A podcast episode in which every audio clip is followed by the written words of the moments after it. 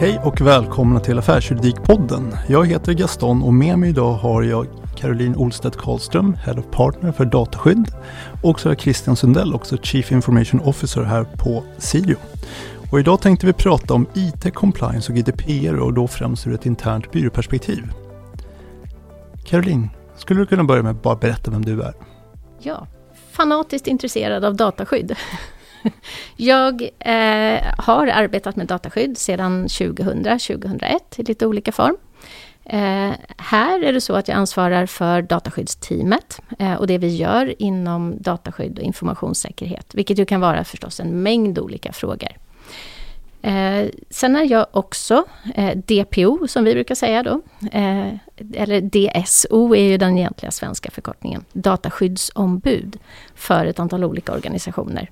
Eh, där jag arbetar tillsammans med teamet eh, i olika format. Eh, med, med, olika frågor då specifikt som, som eh, ansluter till vad de organisationerna just nu befinner sig i och, och eh, står inför. Eh, sen är jag också ordförande i Forum för dataskydd som är någonting helt separat. det är en förening som fokuserar på att lyfta kan man säga, dataskyddsarbetet i Sverige.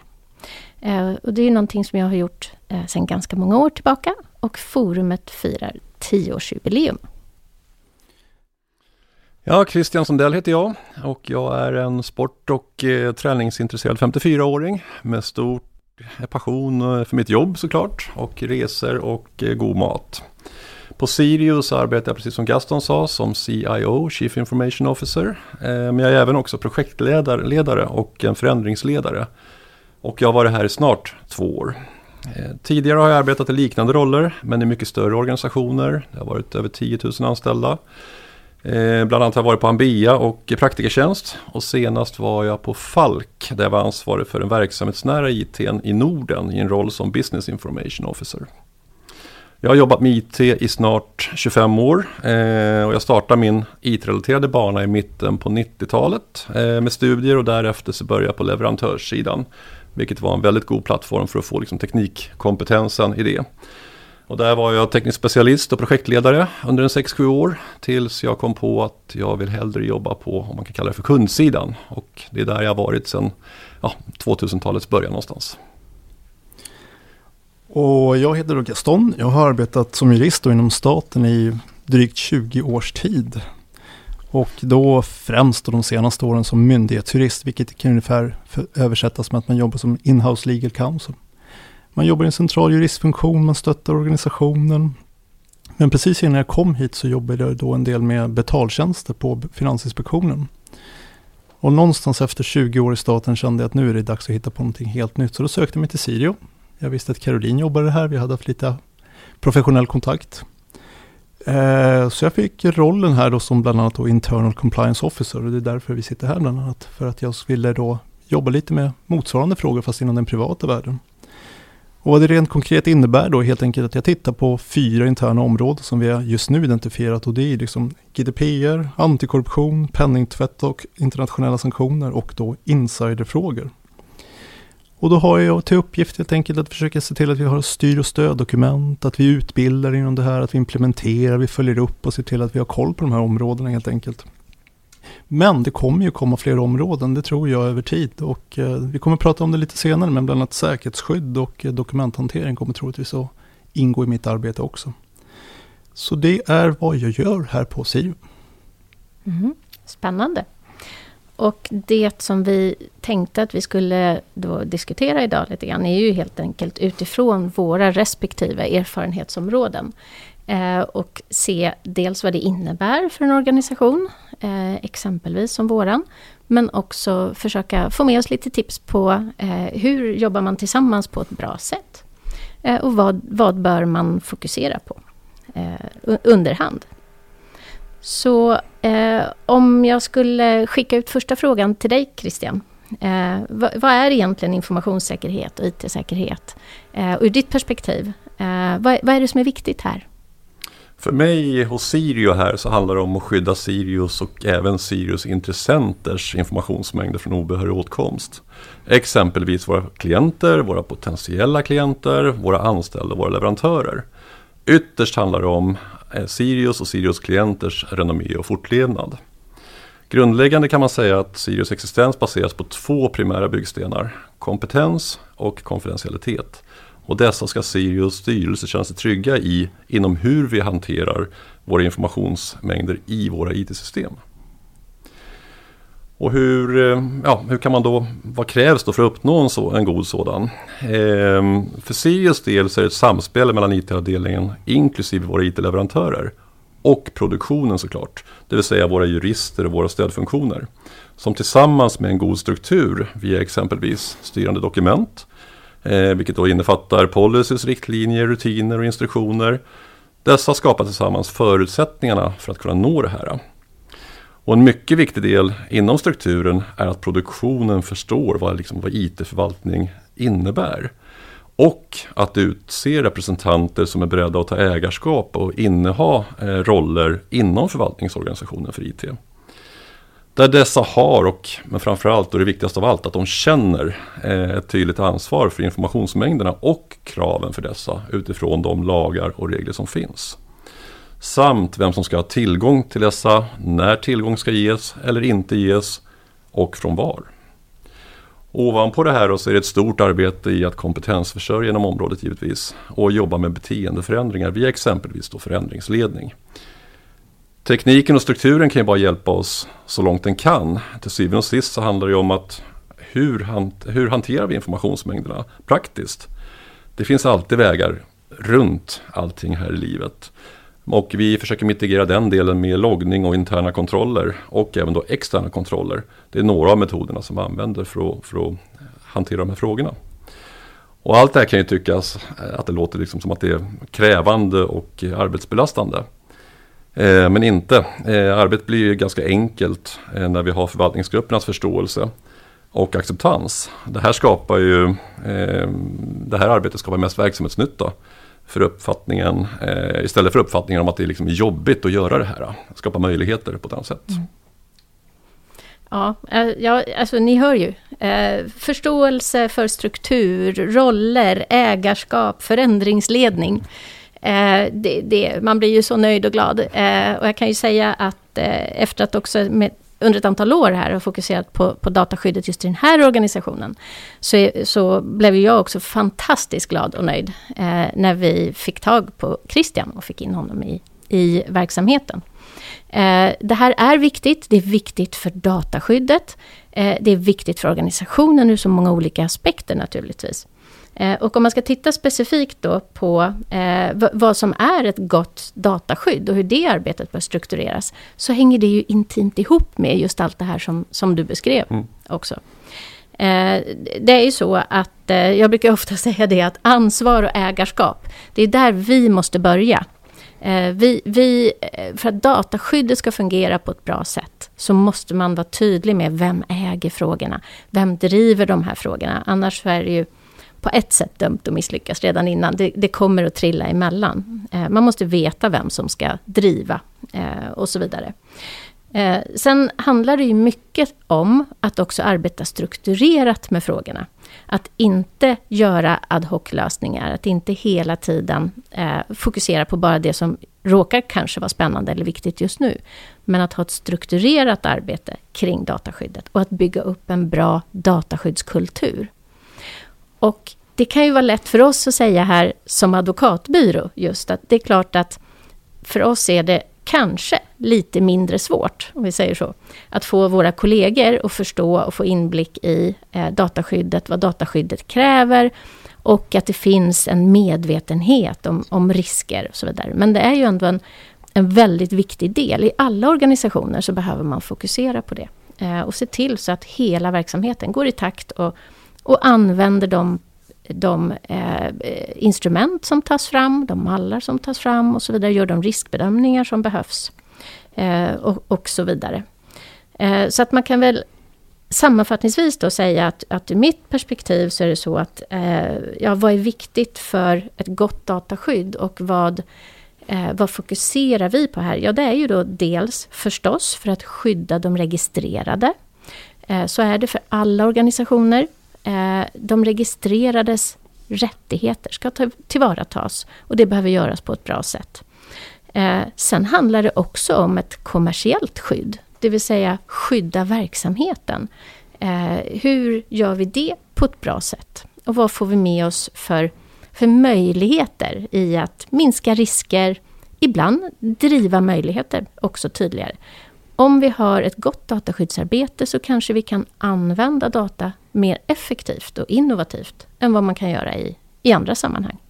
Så det är väl mycket av sådana saker som, som jag har med mig. Vad eh, tänker du på Gaston?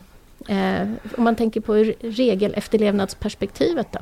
Ja, ni har ju varit inne på det lite, men, men bra regelefterlevnad, det handlar ju för mig om att i och med att jag kommer från staten så är jag ganska fyrkantig av det är ett eller noll. Antingen uppfyller man kraven eller inte uppfyller kraven. Men bra regelefterlevnad handlar ju för mig rätt mycket om att man ska försöka omhänderta de krav, de regler, de eh, saker vi måste uppfylla i vår verksamhet.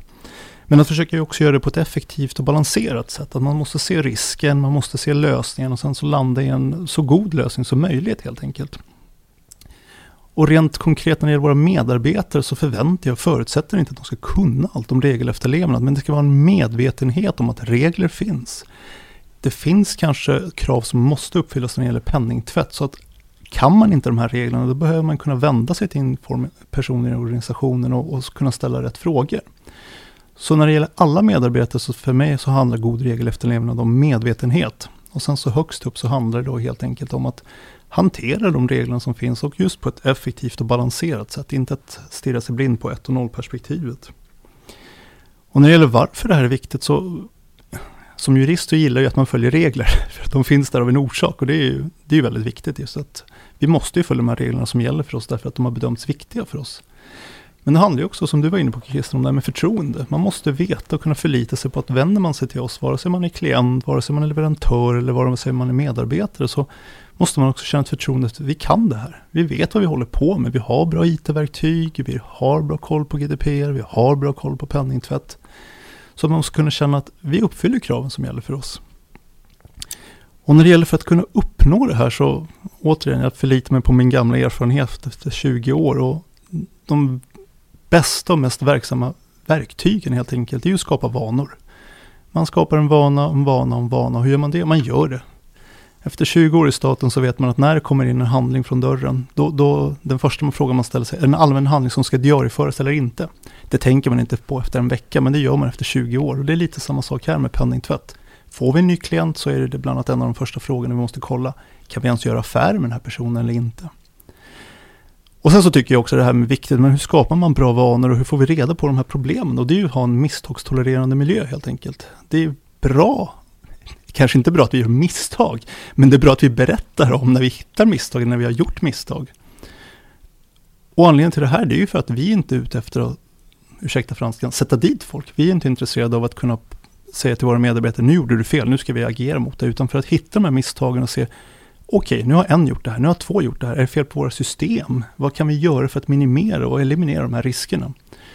Och då handlar det väldigt mycket om att man ska kunna lita på att vända sig till oss också och hantera de här problemen. Så att jag tror att de två är nycklarna för mig. Det, det är så jag uppnår bra regelefterlevnad. Jag har skapat förtroende för att man kan vända sig till oss och jag vill skapa vanor. Och det måste man göra med den här kulturen, bland annat som du pratar om också Caroline. Och, och då är det bra, vi, vi lär oss av de misstag som, som vi alla gör, så, så är det ju. Och, och då är det viktigt att vi, att vi fångar upp dem. Verkligen. Mm. Ehm, Christian, varför är det så viktigt då? Varför, varför, tycker vi att det här är så viktiga områden? Eh, superviktigt område, områden. Eh, återigen, Sirius varumärke. Återigen, det bygger på kompetens och konfidentialitet. Eh, och vi kan inte tumma på något av de här områdena. Det går liksom inte, då, då, det funkar inte.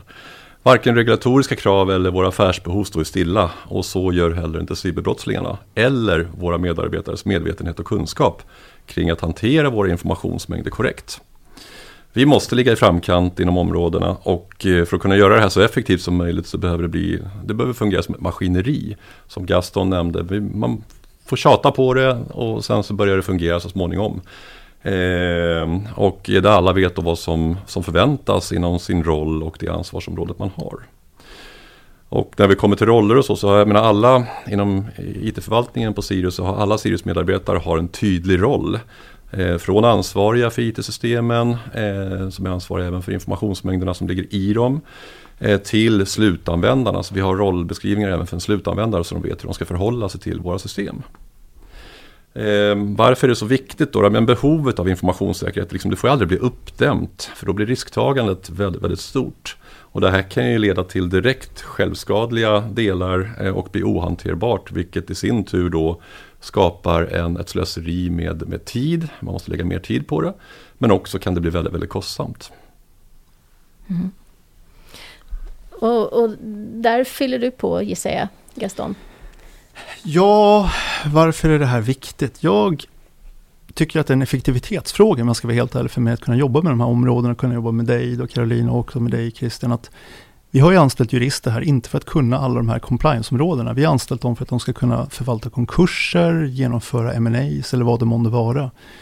Men när de gör det här då så måste de få ägna full tid och kraft åt den här sakerna och inte liksom stirra sig blind på att försöka lösa GDPR-problem eller har vi rätt system som gör att vi hanterar saker på rätt sätt internt eller penningtvättsfrågor.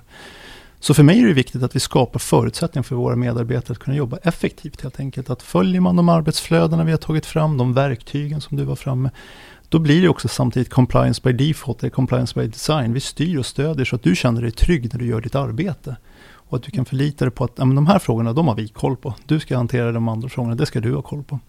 Så därför tycker jag det är viktigt, förutom det du har sagt också, mm. naturligtvis Christian. Och, och, det här är ju just, eh, är, det är ett stöd för medarbetarna. Eh, så det, förstås att, att vi leder eh, arbetet på ett bra sätt. Eh, så att det blir både strukturerat och att, att det hamnar i rätt foller då, säger så. Det, det vill säga, man kommer att använda just de verktyg som är beprövade eller de mallar som finns framtagna och så vidare. Eh, som du sa, att det ska vara enkelt. Eh, men det handlar ju också om eh, våra skyldigheter här att inte eh, uppnå att vi har tillräcklig dokumentation och så vidare. Att det ska vara tydlighet i det vi gör.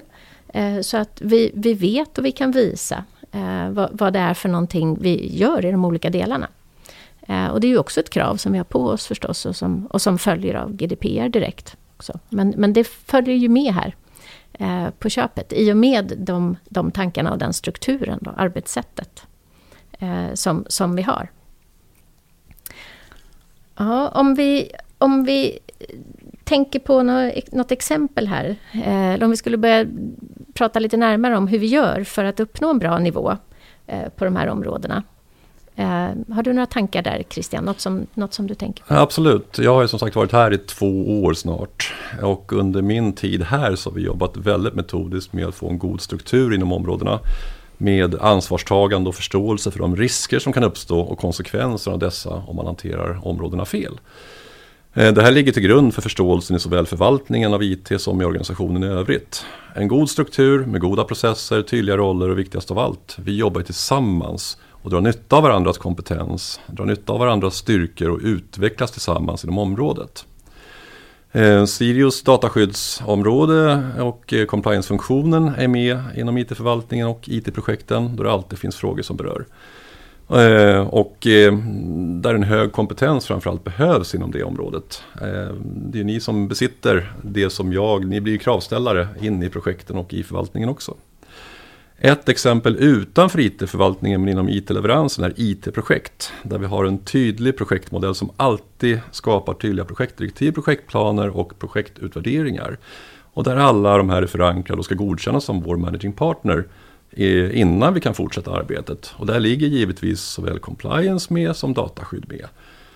Eh, vi har alltid en styrgrupp som följer upp eh, det som projektet har utlovat. Alla leverabler, risker, ekonomi, compliance och som säkerställer de effekter vi vill uppnå inom och utav projektet på kort och lång sikt.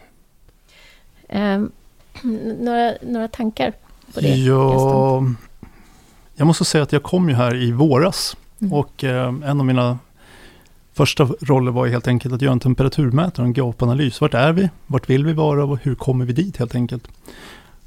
Och lite var det som att komma till eh, dukat bord. I och med att Christian hade gjort ett ganska gott arbete före och även du. Ni hade ju tagit fram mycket dokument. Men det jag kom fram till helt enkelt, vi är väldigt långt framme. Vi är ändå en mindre byrå. Vi har kanske inte lika mycket resurser som andra. Men vi har gjort väldigt, väldigt mycket. Jag tycker just vår IT-miljö är fantastiskt bra. Men verkligheten har ju förändrats också. Så att eh, vi satte ihop ett, ett projekt där vi helt enkelt tänkte att nu är vi vid nivå 1, vi vill gå till nivå 2. Och hur gör vi då för att komma till nivå 2 då helt enkelt? Och vad vi har gjort helt enkelt då att jag har inledningsvis har det ju väldigt dokumenttungt arbete som du sa Caroline. Vi, vi behöver ändra våra styr och stöddokument. Verkligheten har ju förändrats tyvärr, bland annat med det här hemska kriget i Ukraina, där vi nu måste ta hänsyn till internationella sanktioner på ett helt annat sätt. GDPR har ju skett en hel del i höst också, eller under våren också med standardavtalsklausuler och trans, eh, överföringar till USA. Så det händer ju mycket hela tiden på området, så därför vi kan inte sitta still. Och sen så är ju Christians perspektiv också, det kommer ju nya IT-verktyg, det kommer nya funktionaliteter. Så det sättet som vi jobbade på igår, det gäller ju inte längre idag. Vi kan ju bli mycket, mycket smartare. Så det här projektet är ju dokumenttungt nästan klart, skulle jag vilja säga. Men sen kommer då den spännande biten då, helt enkelt som handlar om implementering. Och där använder vi ju så mycket som möjligt våra IT-verktyg också när det gäller vårt arbete, tänker jag. Att, eh, från att övergå till att kanske använda sig av en e-postlåda där man får in anmälningar så kanske vi använder oss av de IT-verktygen vi har tagit fram helt enkelt. Så det här projektet handlar helt enkelt om att sträva efter att göra det ännu lite bättre och att vara ännu lite smartare, ännu lite mer effektiv utifrån hur det ser ut just nu. Och där har det ju varit oerhört viktigt för mig att ha Christian och även dig i de här projekten. Just att jag stämmer av frågor, jag ser att den här funktionaliteten finns redan bra, då kan vi göra, förändra oss och göra det här istället. Så att det, det är ett praktiskt exempel på hur vi jobbar med compliance just nu. Ja, och jag måste säga att jag tycker det här är superhäftigt. Eh, och just att hur vi jobbar smartare och bättre. Eh, man blir ju jätteglad. Ehm, jag har ju funnits med i den här organisationen sedan 2017, eh, då jag började. Eh, och precis som du kanske antydde lite grann, vi hade ju då eh, redan, så vi, 2018 så genomfördes ett första GDPR-projekt. Så som i alla andra organisationer. Vi var ju då involverade i att såväl bistå många andra organisationer samtidigt som vi gjorde det själva här under Eh, med, Med, någon form av eh, rimlighet i vad vi ville åstadkomma för någonting. Och precis som alla andra, vilken tid man nu hade. Sen har vi under förra året, eh, för, förra året och förra året genomfört uppdateringar och, och jobbat med förnyelse, arbetat vidare med, arbetat både på förvaltningsmodeller och hur vi skulle arbeta. Och samt också då slipat på, på processer och dokumentation. Och en del i det här arbetet var ju just att jag verkligen önskade mig en CISO. Och sen önskade jag mig en compliance officer och jag är fantastiskt lycklig över att jag nu har båda. Det är helt underbart. Eh, och sen för att gå på ett rejält stickspår då, men jag kan inte låta bli att berätta att när eh, just den här attans pandemin slog in emellan här, Eh, så, så eh, gick ju allting lite grann på, inte på stickspår, vi var väldigt fokuserade och vi gjorde väldigt mycket rätt saker, vilket jag är stolt över idag, men i helt annan form. Och vi hade ju tur då, vi hade en, en organisation och en plattform som levde upp och tydligt kunde hantera den här pandemin, då när så många stängde ner. Men en, en, kanske rolig anekdot i sammanhanget, eller för oss i alla fall, det var när vi första gången träffade Christian. Eh, som, som kom in plötsligt efter att, tror jag väl, Christian hade jobbat nästan ett år med oss eh, under pandemin. Absolut. Ja, och eh, plötsligt dök upp fysiskt på ett möte. Eh, och någonstans de första sju, åtta minuterna på det, det var delägarmöte, de första sju, åtta minuterna, det gick ut på att jag tror precis alla i rummet var tvungna att beskriva att hur väldigt förvånade vi var över att du är nästan två meter lång. det var liksom inte alls med i konceptet på något sätt som vi hade. Vi hade jobbat mycket tillsammans innan, men, men man fångar ju inte det. Nej, man... Jag kommer ihåg det, var flera stycken som tog upp det. Ja, ja rätt många. det var kul. Eh, så, men vi klarade oss väldigt bra eh, med våra verktyg eh, och i, i den nya formen då som det var. Men, men pandemin var ju den påfrestning för oss som det var för, för alla andra. Eh, men, men eh, ja, för att gå tillbaka på spåret då, så är jag otroligt glad och tacksam över båda era roller här, som är så tydliga bidrag. Eh, och så tydligt både hanterar och, och skapar den här förvaltningen och, och, gör att vi har den struktur som, som vi har idag. Om vi skulle övergå någonting då till att eh, eh, prata just om att, att uppnå ett gott eh, dataskydd, en god informationssäkerhet och så vidare. Eh, vill du börja Christian? Någonting som du ser som extra viktigt att vi, att vi förmedlar här? Eh, jag tycker frågan egentligen är ganska enkel att svara på i teorin. Eh, men faktum är att det ligger väldigt mycket arbete bakom det här i praktiken. Det handlar om, tycker jag, väldigt mycket om att hålla dialogen levande och jobba med att skapa förståelse. Eh, det är en kontinuerlig, man ska känna en kontinuerlig sense of urgency eh, för alla, alla ska känna det. Eh, och givetvis att göra området lätt att förstå. Och där är du bra Gaston när du har möten med personal och sånt. Att du, du gör det väldigt enkelt att förstå varför vi behöver göra det här. Dels för hur vi ska arbeta eh, i sig då, men också vilka verktyg vi kan använda för vilka ändamål. Samt hur alla eh, tar del av en god struktur, exempelvis våra rutiner, vi har instruktioner, och vår modell för kompetensförsörjning. Alla bidrar till det här. Från ägare av IT-systemen till slutanvändarna. Och givetvis, vilket man inte får glömma, det är också att alla våra leverantörer som vi kravställer på eh, inom ett antal berörda områden när vi handlar upp IT-stöd. Jag tänker ju på det du sa att jag jag har haft förmånen att hålla många utbildningar. Ju längre man gör alltså det, så oftare man gör sådana här utbildningar, desto mer lär man sig hur, hur man ska göra det. Och jag tycker det är väldigt kul att ta levande exempel och i och med att vi alla är jurister så gillar vi att läsa domar. Så då kan man ju ta fram domar som beskriver rent horribla saker. Och gör man det så börjar någonstans folk förstå, varför gör vi det här överhuvudtaget? Uh, till exempel med antikorruption, jag brukar själv lyssna på podden Peter Dokumentär och jag lyssnade på Systembolagshärven och det var ju, jag ville slita håret av mig när jag insåg hur fel det kan bli bara. Och så penningtvätten har vi också haft våra exempel de senaste åren där eh, där folk inte riktigt förstår kanske att 500 kronor det räcker för att dömas för penningtvättsbrott. Det är därför det är viktigt att vi jobbar med de här frågorna och i sin förlängning så handlar det om vilket samhälle vi vill ha. Vill vi ha ett samhälle med mycket brott eller vill vi ha ett samhälle som, där vi åtminstone motverkar det här? Så det här med utbildning och implementering, det tycker jag är väldigt lätt för mig, men det jag tycker också har varit väldigt bra att komma in i Siri helt enkelt är ju att, och väldigt viktigt tycker jag, är att vi kan utbilda hur mycket vi vill. Men om man inte lite också styr människor så kommer de inte göra det här. Och här tycker jag att de här verktygen vi jobbar med, som du har tagit fram, att vi, vi samverkar ju väldigt nära, men vi bygger in en regel, vi styr folk. Så vi har ju i mångt och mycket styrt folk att göra alla de här kraven genom att man måste följa dem. Vi har byggt in dem i datasystemen. Så dels behöver man inte tänka, dels så är vi ju lite småfula liksom och styr dem by design och by default. Gör så här så kommer det gå bra helt enkelt. Så att, eh, vi jobbar från flera kanter, så skulle jag vilja säga. Jag har lättare kanske att ta människor, det blir lite roligare, jurister pratar med jurister. Men eh, du bygger ju liksom IT-organisationen här tänker jag också. Det är också från din sida Caroline, du kommer ju också med de här extra kunskaperna som inte ens jag har en susning om att nu har det här kommit till Europa, det här behöver vi hantera. Så det är liksom, vi ger varandra ett inflöde och sen så hanterar vi det här gemensamt, visar vi personalen tycker jag. Så det är, det är viktigt att jobba med IT-verktyg men också viktigt att förklara varför och få folk att förstå hur viktigt det här är. Mm.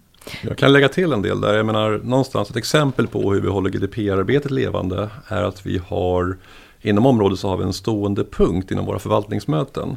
Där ägarna, som jag talade om tidigare, av IT-systemen med de här informationsmängderna som alltid finns i ett IT-system. Eh, de beskriver då status och progress för GDPR-aktiviteterna som är inom deras ansvarsområden. Samt eh, vi har också ett IT-stöd för det här området, ett verktyg som heter DP Organizer. Som är ett väldigt bra IT-stöd för att hantera just de här aktiviteterna. Ägarna av de här IT-systemen och med tillhörande informationsmängder, de känner ju liksom ett stort ansvar för att hålla sina IT-system eh, up to date om man mm. säger så. Eh, och för de vill inte fastna i någon form av internkontroll här där man får nedslag för att man inte har gjort någonting. Så jag tycker att vi har ett väldigt bra maskineri när det gäller de här delarna eh, internt i Sirio. Att alla känner att, att dels att man vet utifrån ansvar och roller men också att man vet att gör man inte det man ska då blir man uppföljd på det eh, såklart.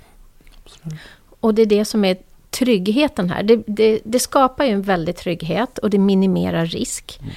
Eh, att vi har de tydliga processerna. Eh, och, och, sen så lär man sig, ibland är det ju så att vissa delar, eller det kommer in nya verktyg eller nya funktioner eller vad det nu än är, men man lär sig tillsammans och allt eftersom. Men att de kommer in under det här paraplyet gör att det följer vissa rutiner hela tiden. Eh, vilket gör att vi kan känna oss tryggare i att vi hanterar risker. Eh, och, och, det är naturligtvis någonting som, precis som du är inne på, det, både för den som är ansvarig för till exempel då applikationen, eh, känns väldigt bra. Men också för, för ledningen naturligtvis, att veta att styrningen fungerar och att vi får in de rutiner som vi vill ha in. Som du var inne på Gaston, vi kan, vi kan ju mer eller mindre styra eh, hur, hur, vi vill att arbetet ska ledas naturligtvis. Eh, om, om vi tittar, det är ju så i alla sådana här sammanhang, eh, där man arbetar med den här typen av compliance, eh, såväl som annat, så, så det finns ju alltid massa utmaningar som också kan uppkomma, såklart. Eh, så, så vi behöver väl öppna även den dörren, eller hur Christian? Absolut. Men så här, utmaningar det är ju en del i vardagen. De finns ju överallt, tråkigt vore det annars. Men utmaningar de är till för att lösas eh, och det utvecklar alla när så sker. Eh, min upplevelse inom mitt område är att den stora utmaningen generellt det är att hitta balansen mellan produktiva och administrativa aktiviteter inom våra arbetsflöden. Det får och ska inte vara krångligt eller upplevas som tidsödande att göra rätt. Man ska veta hur man ska göra det, det ska vara väldigt tydligt och det ska liksom vara lätt och smidigt att göra det. Eh, vi måste ha liksom ett verksamhetsanpassat IT-stöd med tillhörande processer. Det ska gå att arbeta effektivt utan att för den skull tumma på medvetenheten och beteendet och därmed efterlevnaden av informationssäkerhetsområdet som sådant. Hur gör man då det? Ja, men man får jobba med frågorna, hålla dem levande som vi talade om tidigare. Eh, både för personal, leverantörer, övriga intressenter och återigen förändringsledningen är en mycket, alltså den är jätteviktig i det här området. Att öka medvetenheten men också att förändra beteendet eh, hos de som är inblandade i det här. Det är ju ytterligare en styrka som, som du har. Eh, eller hur Gaston, det kan ju vi säga att det här med förändringsledning, ja. ur, alltså, som, ur ett jurists perspektiv, eh, så är det inte alltid helt lätt. Det här är ju frågor som egentligen, om man tittar traditionellt, ligger lite utanför våra roller. Absolut, men ändå men... har kommit in här på ett så bra sätt. Ja, och jag känner ju bara en, varje dag när jag kommer till jobbet så känner jag en otrolig liksom, stolthet och glädje. Liksom att jag har Christian och att jag har människor som inte bara är jurister här, utan som har helt andra erfarenheter. Och på så sätt liksom korsbefruktar vi de här. Och det kanske också märks i de utmaningar jag brukar titta på, för att man märker ju, Christian du tänker på ett lite mer övergripande sätt. Jag, jag tänker på, på gamla meriter och gamla erfarenheter. Och en utmaning som jag ofta själv har stött på i mina organisationer, det är ju det helt enkelt att om man uppmärksammar ett problem så lyfter man den till sin chef och sen så säger de den tar vi hand om. Och sen så händer ingenting på ett år. Och eller så har någonting hänt på ett år men jag har inte fått reda på det här. Eller än värre, vad bra att du hittade den här, du får lösa den själv och sen så kan du berätta hur du gjorde. Och då blir man lite så här, men jag är ju anställd som försäkringsjurist, jag kan ingenting om att försöka förändra ett IT-system. Och det är det här som landar i just det här med, vi kanske inte ska kalla det förvaltning, men det ska handla om hur hanterar vi då brister och fel som uppstår i organisationen? Hur omhändertar vi de här? Och därför är det ju väldigt viktigt att man kan liksom få lämpa över den frågan om man har hittat den. För vad gör man annars? Då kommer man vara tyst. Man kommer inte nämna att man har hittat ett fel eller en utmaning. Så det tycker jag är väldigt, väldigt viktigt, just att man har personer i organisationen man kan vända sig till och säga, nu har jag uppmärksammat det här, Christian, det här funkar inte, kan du kolla på det här? Eller Gaston, vi gör fel, det här systemet stödjer inte utifrån hur lagstiftningen ser ut. Och just att känna att, ja men, du överlämnar den frågan till mig så återkommer jag. Men det är ju också väldigt viktigt med återkoppling, att man får reda på att ja, men det händer någonting. Alternativt, vi har prioriterat ner den frågan för vi kommer att ha ett nytt system om tre månader som omhändertar problemet. Så det tror jag är en utmaning som finns, är att man måste jobba med att hela tiden få input och hantera inputen på ett bra sätt från organisationen så att man kan föra den framåt helt enkelt, så att man inte stagnerar. Det tror jag är väldigt viktigt, min värld i vart fall. Vad skönt att du eh, strök under att det där var erfarenheter från andra ställen och inte gällde den här organisationen. Ja, eh, absolut. Det, det, handlar ju om att vi både, vi vill ju fånga upp eh, de funderingar och det kan lika väl vara nytänkande, bra idéer och eh, massor med, det, det, det, hela byggnaden är ju full med smarta människor. Eh, så att det, det, handlar ju också om att man vill fånga upp det som, det som tickar och går i organisationen. Eh, men, men också fånga upp om det är någonting som är mindre bra, eh, förstås. Och att det kan tas om hand är ju, är ju jätteviktigt. Um, och eh, också som, som du har antytt här flera gånger, just det här att, vi, att man hela tiden behöver påminna både varandra och organisationen. Men, men det, här, det här är ju ett arbete som, som går eh, eh, regelbundet eh, och som där man på olika sätt och med olika medel påminner om de här förhållandena. Så, så att det blir lite top of mind, ska det ligga enkelt hos oss allihopa. Eh, och apropå det då, eh, om, om vi går över i och kanske lite grann kommenterar det här med hur vi, hur vi samarbetar. Hur samarbetar man i, i vardagen om de här frågorna? För det är ju någonting som jag tycker är så otroligt viktigt. Och alltid har haft med mig också i min, som min tidigare roll. Jag satt ju i en organisation tidigare. Eh, och just de här funktionerna som vi talar om, det är så centralt att det finns ett nära samarbete. Ja, jag tycker ju att det är extremt roligt att jobba med människor. Så. Och eh, jag tycker det är kul, eh, alltså jag, jag, jag, trivs med att vara inbjudande och inkluderande eh, i de områdena som jag jobbar inom. Eh, och grunderna för mig för att lyckas med det här i vardagen det är ju liksom medarbetarnas tillgänglighet. Att alla är tillgängliga, att det finns en god struktur och förståelse. Men också att man har respekt för varandras kompetensområden. Den är extremt viktig. Eh, IT är ju ett kompetensområde som man måste respektera inom produktionen och jag måste respektera produktionen. Det är precis eh, lika åt bägge hållen. Och eh, givetvis tycker jag att det är viktigt att ha ett, en, en, transparens. Jag vill veta hur det är och, och, inte som Gaston nämnde tidigare med att vi, vi tar det här sen och vi får se och allt vad det var för någonting på myndigheten där. Men också att ha högt i tak eh, i dialogerna eh, under sunda former såklart. Eh, I alla dialoger som finns. För alla vill ju Sirius bästa. Det är ju liksom grunden i allting. Eh, och plus såklart att vi inte ser problem utan fokuserar liksom på möjligheterna. Eh, jag brukar oftast, för att inte säga alltid, gå direkt på hur löser vi det här? Och inte sitta och grotta i vad har vi för några problem ibland behöver man förstå det för att kunna komma fram till någon form av lösning också givetvis. Då. Så att eh, jag uppskattar extremt mycket hur vi jobbar här på Sirio. Jag tycker att det är en väldigt, väldigt god stämning. Gaston, super. Caroline, super. Och övriga. Eh, det är verkligen jättebra eh, här. Eh, och hur jobbar vi liksom i vardagen generellt sådär om man tittar på strukturerna? Men vi har ju ett antal olika forum ehm, eh, som vi har en, en, som jag nämner massor av gånger tidigare. Men vi har en god struktur i vad som ska behandlas i de här forumen och varför vi är där eh, och varför vi kontinuerligt möts. Från styrelse till ledningsgrupper, förvaltningsgrupper och i våra interna forum där hela organisationen deltar exempelvis i månadsmöten och annat. En sak man inte får glömma här, eh, hur man, ska, ja, hur man samarbetar, det är leverantörerna. Utifrån mitt perspektiv, jag har ju ett antal leverantörer. Eh, och eh, framförallt de strategiska leverantörerna, de är med i dialogen. I såväl enskilda möten som gemensamma större strategiska möten med flera leverantörer som är med på samma gång. Eh, för mycket eh, utav det som händer eh, och de behoven vi har EU-leverantörerna är ju inte alltid medvetna om det exakt. Utan vi måste samverka och, och jobba i symbios här också någonstans. Och hjälpa varandra eh, och bli starkare tillsammans. Då. Så det är väl så som min vardag ser ut lite grann. Och det är också en ny grej för mig just att man jobbar väldigt tätt med leverantörer. Det tycker jag verkligen du har tagit med det här till mig. Jag har lärt mig väldigt mycket just att vi kan inte förutsätta att de läser våra tankar. Utan vi behöver ju verkligen säga det här behöver vi. Vad kan ni göra för oss helt enkelt? Men när det gäller min, återigen, jag, jag är lite mer down to earth. För att uh, min praktiska vardag helt enkelt är ju oftast att uh, antingen verksamheten eller verksamheten via Christian kommer med en, ett, ett behov, ett önskemål. Oftast kommer det via Christian som säger att nu ska vi börja göra det här.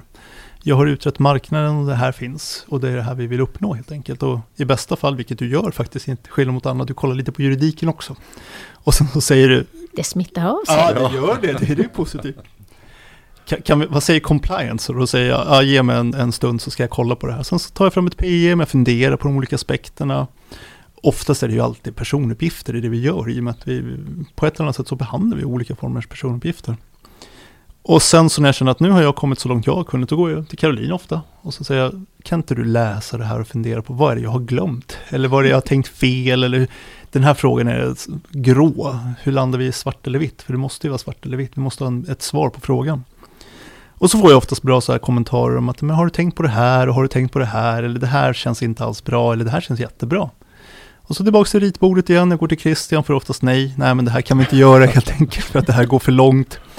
Och så blir det då en interaktiv och interaktiv process helt enkelt. Där vi, men det jag uppskattar väldigt mycket och det kanske har att göra med den privata världen också. Att vi är väldigt, väldigt lösningsfokuserade. Vi vill alltid hitta en lösning och vi skruvar på de sätten vi kan. Vi säger nej när vi inte kan det, men vi, vi hittar alltid ett svar. Det kanske inte alltid är rätt svar, det kanske inte är det önskade svaret, men och det går fort. Det tycker jag uppskattar också väldigt mycket, att det går väldigt fort från A till B. Och det är också styrkan i att vara lite kanske mindre organisation, när vi har 130 personer, där jag sitter vägg i vägg med CEO, och jag kan gå över till MP och ställa frågor. Att det går väldigt fort när man behöver göra saker och det, det uppskattar jag väldigt mycket.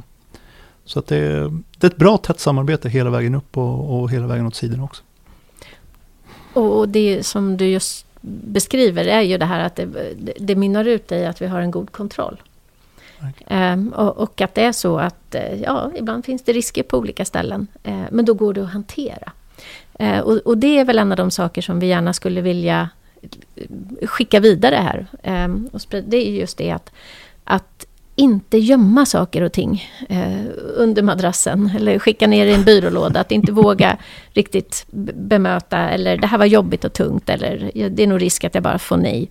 Utan att man faktiskt med, med effektivt samarbete eh, och, och tillse just det som vi tycker är så viktigt här, att alla funktioner finns med. Men att man kan lösa saker och ting tillsammans, att man hanterar frågorna. Så att det blir Eh, ett, ett bra löpande strukturerat arbetssätt. Det är, det är så vi vi ser att vi kan hindra eh, olika risker från att dyka upp, som annars lätt hade kunnat, kunnat uppstå. Absolut.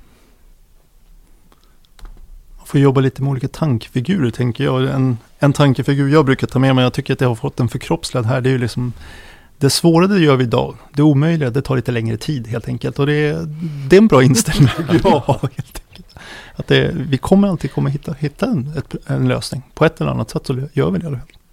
Mm. Eh, och just att vi hanterar frågorna, vilket också gör att man lär sig mycket. Vi, vi lär oss, jag lär mig jättemycket av er eh, under hand. Och när man tittar på de här olika frågorna ur olika då, eh, specialisters perspektiv. Eh, men, men det understryker igen hur viktigt det är att, att faktiskt alla är, är involverade. Vi har ju också turen här att vi får ju så mycket input av det som är vår dagliga verksamhet och det, det vi gör ute och, och, när vi bistår andra klienter och så vidare. Så att naturligtvis så föder ju det här eh, varandra eh, i det. Vi, vi lär oss saker i vårt egna interna arbete, vi lär oss av i, i klientarbete. Så erfarenhet är ju viktigt på de här områdena. Ju mer komplext, desto viktigare är det ju, förutom att vi samarbetar, men, men att vi också tar lärdom om, av vad, vad, som har hänt eh, på andra ställen, hur man, hur man löser olika frågor. Vad är best practice? Eh, kan vi bistå? Kan vi bidra i det på något sätt?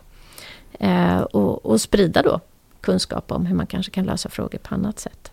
Och för att fånga upp en liten sak där bara så jobbar ju hälften av min tid egentligen ska jag jobba med externa klienter också då, så jag är biträdande jurist och intern compliance. Just. Nu blir det väl lite si och så med den där tidsfördelningen, men eh, det som är styrkan där tycker jag är att jag får jobba med klienters problem, jag får se vad de tycker är ett problem. Och sen så tar jag med mig erfarenheten tillbaka hit till Sirio och eh, skruvar på den utifrån hur vår verksamhet ser ut. Så att trots att det kan vara lite jobbigt ibland så ser jag det nästan som en framgångsmodell. Man får lite mm. både och och kan, kan lära sig utifrån och ta med sig det inåt. Och så, och så vice versa. Ja, tydligt så. Och, och spännande och roligt är det också. Då, att jobba på det viset. Eh, och nu blir jag lite nyfiken Christian, så då, då, jag måste ju i alla fall avslutningsvis få, få fråga dig. Eh, kommande år, eh, vad, vad, vad är viktigast? Eh, om vi blickar framåt. Oj, stor, stor bred fråga. Men får man säga allt inom IT-relaterade frågor eh, med fokus på balansen mellan affärsnyttan och informationssäkerheten och förstå organisationens behov och framförallt då utifrån de leverantörernas produkter och tjänster som finns kopplat då till compliance som område inklusive dataskyddet. Eh, så. Ehm, och varför det är extra viktigt? Jo men någonstans så har vi en allt mer cloudbaserad eh, leverans eh, där väldigt mycket fortfarande trots ett antal år nu väldigt mycket är nytt. Jag ser ju saker och ting egentligen inte dagligen men väldigt, väldigt ofta där man undrar hur har de tänkt här? vi behöver justera lite på compliance-området dataskyddsområdet eller vad det nu må vara för någonting. Eh, och det är som sagt det sker stora förändringar och löpa, på löpande basis här. Och det innebär också att vi som organisation eh, måste vara vakna och stå på tårna. Och ha en mycket god kunskap i vad det här innebär utifrån våra kompetensområden framförallt då gemensamt. Och vara extra noga när man kommer till, till papper och penna sen. Gör man så nu för tiden? Eller, eller digital signering. Att vi verkligen eh, ser att, att eh, vad, vad är det för innehåll i den här produkten eller tjänsten. Eh, några konkreta exempel på vad som oftast brukar gå fel eh, så är just de här, okej okay, hur hanterar vi kontinuitetsplaneringen? Hur hanterar vi eh, krisplaneringen om man pratar om en business continuity plan och en disaster recovery plan? Jättedåligt beskrivet i de flesta eh, mm. cloudleverantörernas avtal och väldigt förvirrande eh, lösningar har de för det. Eh, så då. Så att det här är ett eh, jätteviktigt område, eh, tycker jag framgent. Eh, så. Och även idag mm. såklart. Väldigt spännande och det är ju såklart det är precis samma tendenser som, som vi ser ute i, för vår del i det operativa, det vill säga ute med klient. Eh, otroligt viktiga frågor. Eh, och ibland inte så bra dokumenterade. Va, va, vad säger du Gaston? Ja, alltså verkligheten har ju förändrats på många olika sätt och vis. jag skulle säga två saker som jag tror kommer påverka mitt jobb mer de här kommande åren. Det är ju internationella sanktioner med tanke på kriget. Det här för att stanna. De har nog mig veterligt aldrig varit så stora och så omfattande sanktionerna som just nu sker. Och då inte bara för oss som jurister i och med att det nu är också förbjudet att leverera vissa typer av advokattjänster utan även för våra klienter.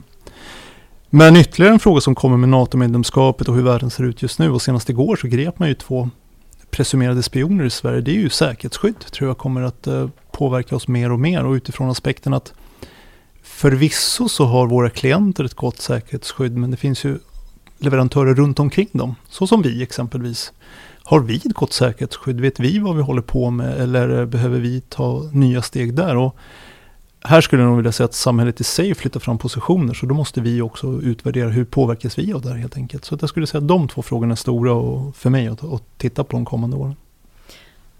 Eh, otroligt intressant. Och eh, om man ser det ur dataskyddsperspektivet så är det väl ingen av er som höjer på något ögonbryn. Men jag skulle säga att just de internationella överföringarna eh, ligger på i fortsatt toppnotering. Ehm, vi, vi pratar internationella dataöverföringar, eh, frukost, lunch och middag eh, i alla olika sammanhang. Och inte minst, just som du säger Christian, kopplat till varje form av molnlösningar. Eh, och det vi ser idag också är ju att alla plattformar, leveranser eh, och eh, system överhuvudtaget eh, blir mer och mer komplexa. Involverar fler och fler spelare och olika leverantörer på olika nivåer.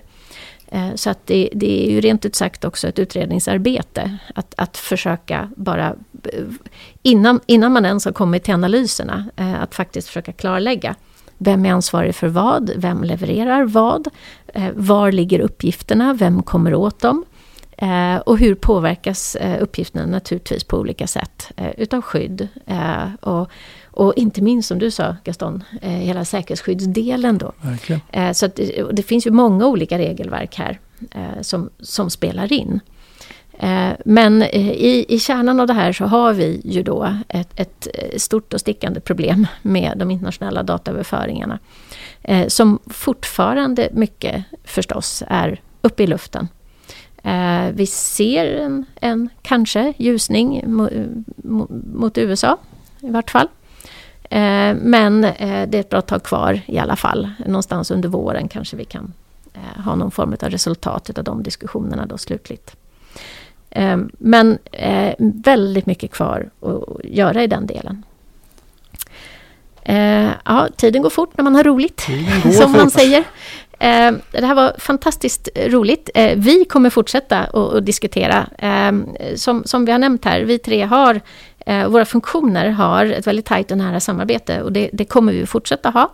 Och vi hoppas att vi har inspirerat eh, till att, att just se till så att man har den typen av nära samarbete. Vi vill ju gärna bidra till Eh, Eh, att, att sprida kunskap, eh, energi och idéer i de här frågorna. Det tror vi verkligen på att det får betydelse. Och att det skyddar uppgifter, det skyddar organisationer på ett bättre sätt.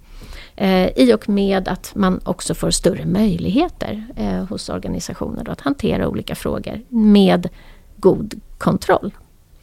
Eh, en annan sak som vi särskilt ville skicka med och har berört är ju också vikten av en god förvaltningsorganisation specifikt. Eh, och att man sätter upp det, att man har resurser, att, att det är tydligt, att det finns förståelse för strukturer, att det finns ägarskap. Eh, och inte minst förändringsledning hela tiden. Så många viktiga frågor. Eh, det här har varit jättekul. Vi hoppas på att vi får chansen att komma tillbaka en annan gång, fortsätta prata. Under tiden får vi väl ta diskussionen till ett annat rum och, och, fortsätta prata själva. Stort tack Christian, stort tack. Gaston. Tack. Tack. Tack Caroline. Och eh, på återhörande igen framöver förstås i Affärsjuridikpodden.